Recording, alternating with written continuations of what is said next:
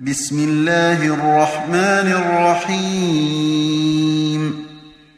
ألم تر كيف فعل ربك بأصحاب الفيل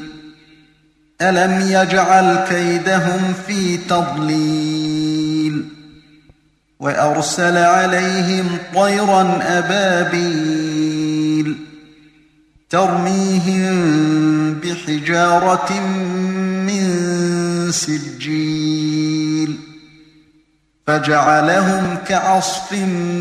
مأكول. تم تنزيل هذه المادة من موقع نداء الإسلام www.islam-call.com